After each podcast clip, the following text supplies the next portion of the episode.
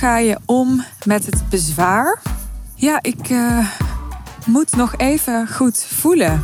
Of ik moet er nog even op voelen. Of uh, ik voel het nog niet helemaal. Ik weet niet wat het is, maar ja, ik doe altijd alles op gevoel. En ik voel nog geen ja. Nou, ken je dat soort opmerkingen? Het is een beetje als je zo'n bezwaar krijgt alsof je iemand tegenover je hebt die je ja, ervan probeert te overtuigen dat uh, God bestaat of niet bestaat. Hè. Ik, dat, dat doet er even niet toe. Dit is best wel lastig discussiëren. discussiëren tussen aanhalingstekens. Maar het is natuurlijk heel erg maar net waar je in gelooft, waar je van overtuigd bent. En uh, wat je normen en waarden zijn. En daar kun je dan op stuiten als je zo'n bezwaar krijgt waarvan je voelt, ja, maar over gevoel, daar valt niet zo over te twisten. Over gevoel valt moeilijk ja, nog een rationeel gesprek te voeren. Hè? Misschien dat je denkt als je zo'n bezwaar krijgt over gevoel, ja, als jij dat voelt, dan, dan is dat zo. En toch, toch is ook dit maar een bezwaar zoals je vele bezwaren kunt horen in salesgesprekken. je kunt bezwaren horen over uh, geld. Je kunt bezwaren horen over uh, timing. Je kunt bezwaren horen over overleg. Overleggen met een team. Overleggen met uh, zakenpartners. Overleggen met liefdespartners. Je kunt bezwaren krijgen die van praktische aard zijn. Die bijvoorbeeld gaan over de intensiteit van het programma of eh, bepaalde onderdelen die, uh, die juist missen. Welk bezwaar je ook krijgt, het is altijd een fijne mindset om te denken: ja, een, een bezwaar is maar gewoon een bezwaar. En daarmee hoef je hem niet te bagatelliseren. Ik wil ook niet zeggen dat het niet handig is om hem te erkennen, want dat is wel handig. Maar ik krijg best wel vaak van klanten vragen over bezwaren, alsof ze met een bezwaar bij mij komen waarvan ze zelf denken: ja, Suus, maar, maar ja, dit bezwaar, ja, daar kan je toch niks mee. En dat is eigenlijk nooit zo. Wat ik uh, probeer te zeggen met deze intro is dat de principes voor alle bezwaren kind of the same zijn. En dat vind ik altijd een heerlijk idee. Lekker simpel, lekker overzichtelijk.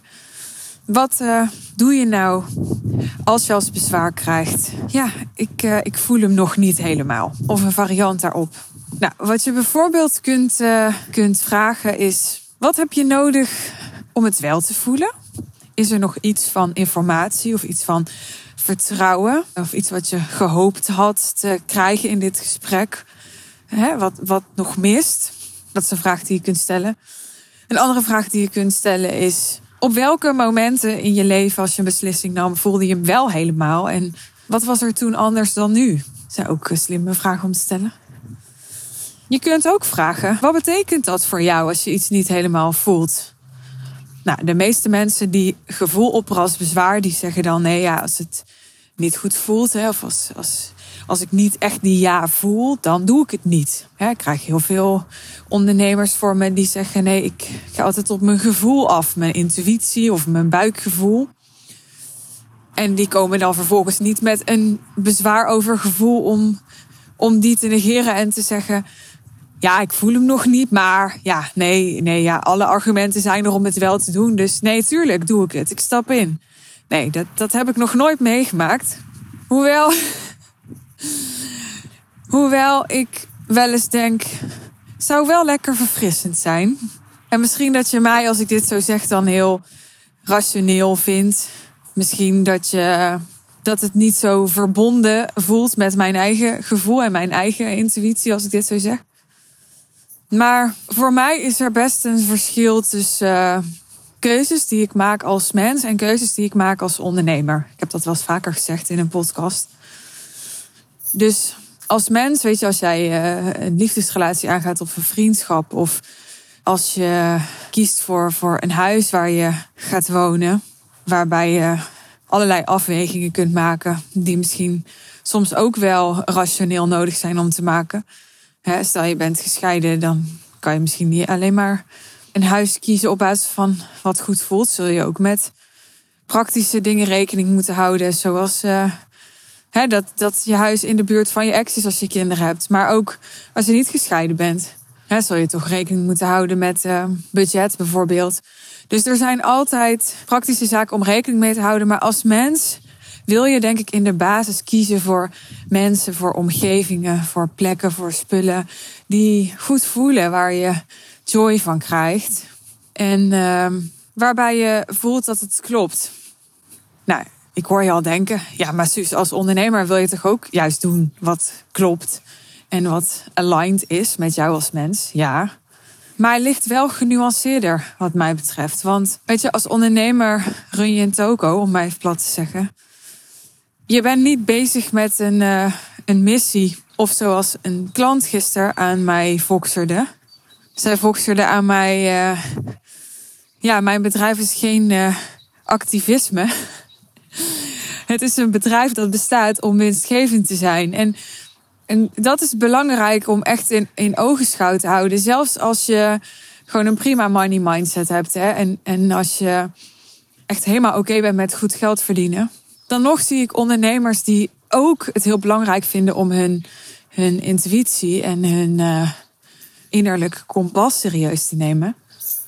Die zie ik die soms echt zwaarwegend maken.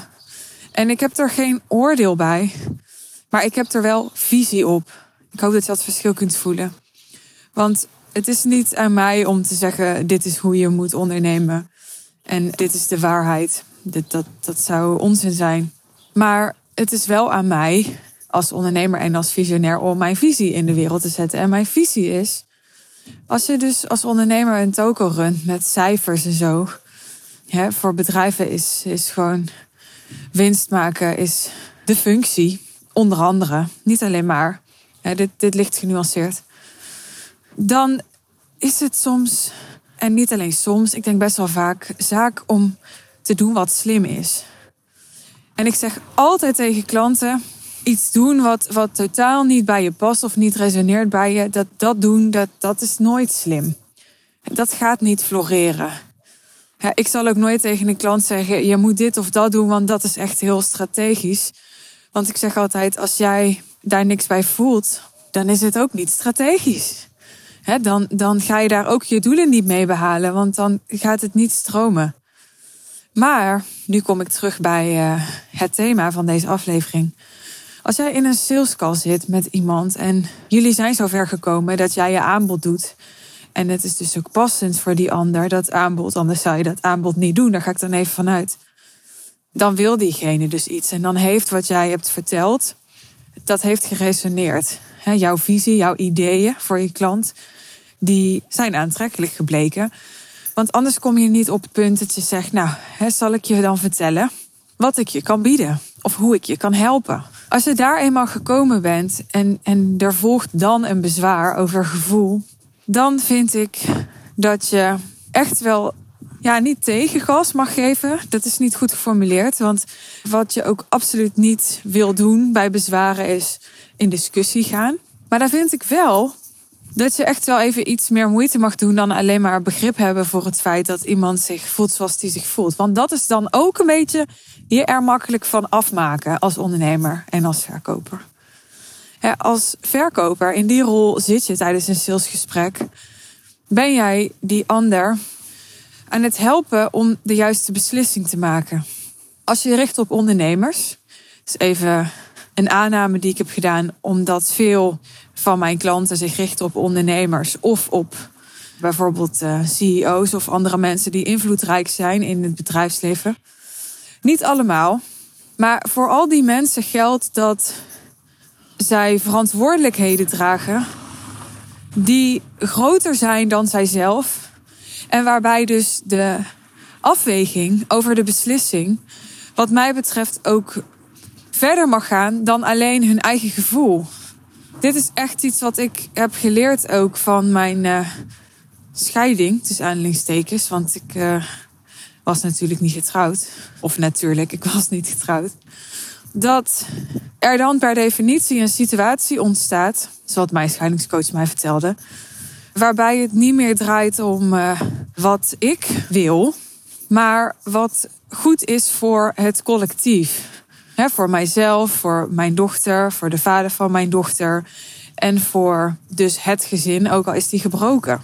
En misschien vind je dit een gekke vergelijking, dat mag. Maar voor mij is dit een mooi voorbeeld van een situatie waarbij er een situatie is die, die gewoon omvangrijker is dan mijzelf. Zo is het ook als je ondernemer bent. En als je mensen in je team hebt en als je uh, ja, een, een purpose te vervullen hebt en klanten die je bedient. Kijk, ik heb heel vaak gezegd in het verleden, en daar sta ik nog steeds helemaal achter, jouw bedrijf die is er om jouw ideale leven te faciliteren. Maar je ideale leven is financieel met het businessmodel waar ik mijn klanten bij help best gemakkelijk te faciliteren. Wil nog niet zeggen dat omdat het geld er is, je dan ook je ideale leven leidt. Daar is natuurlijk meer voor nodig dan alleen financiën. Maar financieel is het niet heel ingewikkeld om een inkomen van 15.000 eh, euro per maand te realiseren als je dat wilt. En de meeste ondernemers die ik spreek, die kunnen van 15.000 euro per maand echt heel goed leven. Ze betalen zich dat niet uit. Het is niet het inkomen wat ze innen, omdat ze de afweging maken dat andere dingen belangrijker zijn, zoals investeren in hun bedrijf en, en daarmee ook in hun financiële toekomst. Als je daar meer nog over wil horen over jezelf eh, uitbetalen en wat je jezelf uitbetaalt, daar heb ik ook een podcastaflevering over. Vrij recent, dus zoek hem even op. Maar wanneer je dus het niveau hebt bereikt waarop je, ja, waarop je financieel kunt doen wat je wil, binnen redelijkheid, dan zijn niet opeens je ambities gestopt. In mijn geval tenminste niet. dan, dan voel je, ja, maar ik ben hier voor iets veel groters dan alleen gewoon een goed inkomen creëren voor mezelf. Want dat kan ook nog wel in loondienst. En dan heb je misschien minder vrijheid en zo. Oké, dat zal allemaal. Maar de ondernemers met wie ik werk, ja, die voelen een veel grotere drive en purpose die veel verder gaat dan henzelf. En als dat zo is, en als je daar trouw aan bent en congruent in wil zijn, dan denk ik dat de beslissingen die je te maken hebt voor je business ook verder moeten gaan dan alleen jouw gevoel. Wat niet wil zeggen dat je gevoel en je intuïtie niet mee kan wegen. En sterker nog, niet essentieel kan zijn. Want ook in zakelijke samenwerkingen kan het heel belangrijk zijn om juist naar je intuïtie te luisteren. En als je ergens diep down voelt, dit klopt niet. Het is too good to be true. Om daarnaar te luisteren. Ik ga nu een quote aanhalen die best omstreden is. Ik heb hem al wel eens vaker geschreven of genoemd, niet zo heel vaak. Sommige mensen zijn het grandioos met deze uitspraak eens en anderen helemaal niet, weet ik. Jouw intuïtie is ook geconditioneerd. En daar gaan veel mensen aan voorbij. Als je echt, echt kunt luisteren, juist ook in zakelijke beslissingen, naar zuiver innerlijk weten, dan is dat absoluut slim om te doen, om nog maar eens het woord slim te gebruiken. Maar de meeste mensen, en nu denk je zelf waarschijnlijk, nee, maar zo ben ik niet, want ik ben verlicht. De meeste mensen die, die, die komen daar niet, of die komen daar niet op de meeste momenten, omdat wat wij voelen toch ook heel vaak en voor een heel groot deel niet alleen bepaald wordt door, door intuïtie en door dat zuiver innerlijk weten, maar ook door emoties. En emoties zijn er weer door gedachten. En gedachten zijn er weer door angsten, ervaringen, uh, wonden, die ons nu gedachten geven als: ja, maar wat als dit inderdaad te mooi om waar te zijn is? Waardoor je een knoop in je maag krijgt en waardoor je het gevoel krijgt: het, het voelt niet goed. Die gedachte alleen al, wat als dit te mooi om waar te zijn is, die is er alleen omdat je zo geconditioneerd bent dat je geleerd hebt dat er dingen in het leven, in de wereld zijn die inderdaad te mooi zijn om waar te zijn. als, je, als dat nooit op je pad was gekomen, als je nog nooit had gezien of gehoord of meegemaakt dat dingen te mooi om waar te zijn kunnen zijn, dan had je die gedachte niet gehad en dus ook dat gevoel niet. Dit is wat ik bedoel met intuïtie is ook geconditioneerd. Net zoals het soms ook echt lastig is, voor de meeste mensen althans echt lastig is, om exact hoofd en hart te onderscheiden. Weet je, zelfs als je iemand bent die heel goed kan voelen en die heel goed kan zakken, kan het echt lastig zijn om wat je voelt te ontwarren met gedachten die je daarover hebt. Want gedachten zijn er altijd. Er is niemand die niet denkt, die zijn gedachten kan stoppen. Je kunt ze observeren, je kunt ze waarnemen, je kunt ervoor kiezen ze niet te geloven, je er niet mee te identificeren, maar ze zijn er wel. En zelfs als je ze negeert, als je denkt dat je ze negeert, zijn ze er nog steeds. Ja, dit maakt dat ik gevoel en intuïtie wel degelijk serieus neem, maar ook heel erg relativeer. En dat mijn visie dus is dat ik denk dat het vaak te belangrijk wordt gemaakt. Zeker in een zakelijke context, waarin je het je vaak genoeg als ondernemer niet kunt permitteren om, om dat te doen wat op dat moment goed voelt, maar waarin je te doen hebt wat, wat op dat moment klopt in het belang van ja, jouw grotere doel. En met grotere doel bedoel ik dus alles wat je nog meer wilt, naast met je bedrijf je ideale leven faciliteren. dus in mijn geval, een doel wat ik al sinds 2017 had, is dat ik een miljoenenbedrijf wilde. Ja, dat mag je plat vinden. Je mag vinden dat het over andere dingen moet gaan. Maar dit is gewoon wat het is. En ik weet van mezelf, ik heb ervaren in de praktijk dat dat het eigenlijk niks met geld te maken heeft. Hoe gek het ook klinkt. Hoe paradoxaal het ook klinkt. Want weet je, als ik uh, mijn bedrijf echt, echt heel simpel zou houden. En ik zou gewoon uh, zorgen dat ik continu vier klanten had voor 25.000 euro. En ik zou uh, daarmee een ton omzet draaien. Ja, ik draag dan wat belasting af. En ik heb bij wijze van spreken niet eens een VA nodig, omdat ik letterlijk alleen maar calls doe met die klanten. Geen live daar, geen online leeromgeving, geen administratie, geen, geen shit, weet je. Ja, dan, dan, dan kan ik heel goed verdienen. Kan ik heel relaxed leven. Kan ik heel veel vrijheid hebben. Kan ik, ik heb ervoor gekozen om dat pad niet te bewandelen. Maar mezelf de uitdaging te geven om simpel, maar wel terwijl ik in mijn grootheid stap, te gaan voor een miljoenenbusiness. Ja, dat is om omdat als ik het gedaan heb, als ik dat pad bewandeld heb, als ik mezelf elke keer opnieuw overwonnen heb om daar te komen, dan voel ik dat ik veel meer draagkracht heb en een veel impactvoller rolmodel kan zijn voor mijn klanten. Die ik allemaal wil helpen, zoals de quote mooi citeerde, om rijk te worden. Omdat ik echt voel dat dat mijn purpose is. Dat heeft me helemaal doen afdwalen, dit verhaal van waar ik het oorspronkelijk over zou hebben, namelijk het bezwaar over voelen. Maar ik vind het toch belangrijk om al deze context te geven, omdat ik weet dat er nergens zoveel begrip voor is in salescast bijna als dit bezwaar. Gewoon omdat heel veel ondernemers, heel veel mensen in general vinden: nee, natuurlijk moet je doen wat goed voelt. En ik denk, ja, maar er mag ook echt een tegengeluid zijn. En laat mij dan maar met, met al deze omzwermingen het tegengeluid zijn. Want ik maak echt vaak mee. Nou ja, nu misschien niet meer zo, maar ik heb in het verleden echt vaak meegemaakt. Dat ik denk, oh, jij bent nu zo belangrijk aan het maken.